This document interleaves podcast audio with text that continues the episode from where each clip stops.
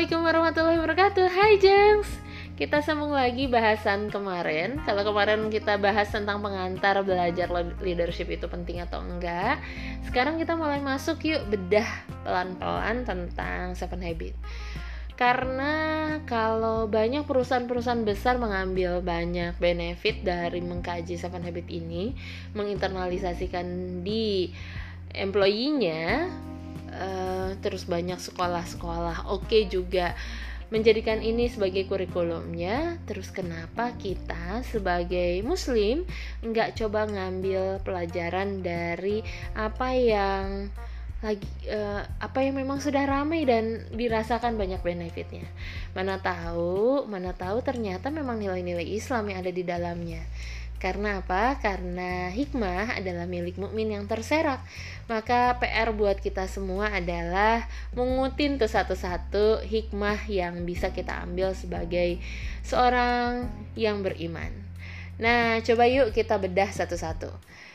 Uh, kalau diibaratkan sebagai sebuah pohon, maka Seven Habit itu uh, ada tiga bagian yang mengambil posisi di bagian akar sebagaimana layaknya akar yang nggak kelihatan tapi ternyata mengambil porsi yang sangat penting banget karena uh, ya kalau akarnya tunggang ternyata mampu menyokong rindangnya pohon. Ada tiga habit yang masuk ke dalam bagian akar ini. Yang pertama adalah be proactive, yang kedua adalah begin with the end in mind, dan yang ketiga adalah put first thing first. Be proactive itu mempelajari tentang take responsibility for your life. Kalau kita mau beres dengan kehidupan kita, maka kita mesti mengambil tanggung jawab, kita mesti bertanggung jawab terhadap diri kita sendiri. Ibaratnya kita lagi ada di sebuah perjalanan, lagi dalam kendaraan, maka kita adalah drivernya. Kita yang mengambil kendali dalam kehidupan kita jadi nggak ada tuh kita diatur-atur sama orang lain kita e, gimana orang lain aja deh terserah kamu aja deh enggak tapi kita yang mengambil tanggung jawab atas diri kita sendiri. Baik buruknya diri kita maka kita yang akan mempertanggungjawabkannya kelak. Ingat ya bahwa tidaklah jin dan manusia diciptakan di muka bumi ini melainkan untuk beribadah. Dan ingat juga bahwa tidaklah manusia diciptakan melainkan uh, dalam kondisi yang sia-sia, nggak ada. Jadi semuanya pasti ada maksud. Dan kita semua pasti akan dimintai pertanggungjawaban dari semua yang kita lakukan di masa kehidupan kita ini. Yang kedua, yang kedua ini uh, bahas cepat dulu, nanti akan saya bedah sedikit-sedikit apa yang saya tahu di habit pertama.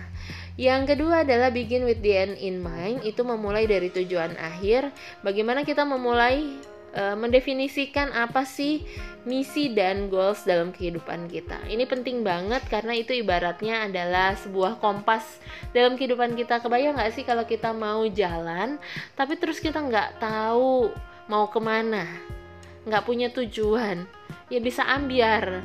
Yang ada kita muter-muter aja keliling, nggak tahu akhirnya ini tujuannya mau dibawa ke mana. Nah, itu masuk ke bagian akar. Yang ketiga, yang nggak kalah pentingnya adalah put first thing first. Habit ketiga, put first thing first, yaitu tentukan prioritas, dahulukan yang utama. Ketika kita udah punya tujuan, kita udah bertanggung jawab dalam uh, kehidupan kita, maka akan menjadi ambiar juga kalau kita nggak bisa menentukan prioritas dalam kehidupan. Nah, ketika tiga, ketika tiga hal ini dipegang, maka insya Allah kehidupan kita menjadi jauh lebih enteng, jauh lebih bermakna, dan insya Allah jalannya jadi lempeng sesuai dengan apa yang ingin kita tuju. Itu dulu sebagai brief uh, tiga habit pertama. Nanti kita akan bedah satu persatu. So, stay tune terus, kita simak lanjutannya. Oke ya, Assalamualaikum.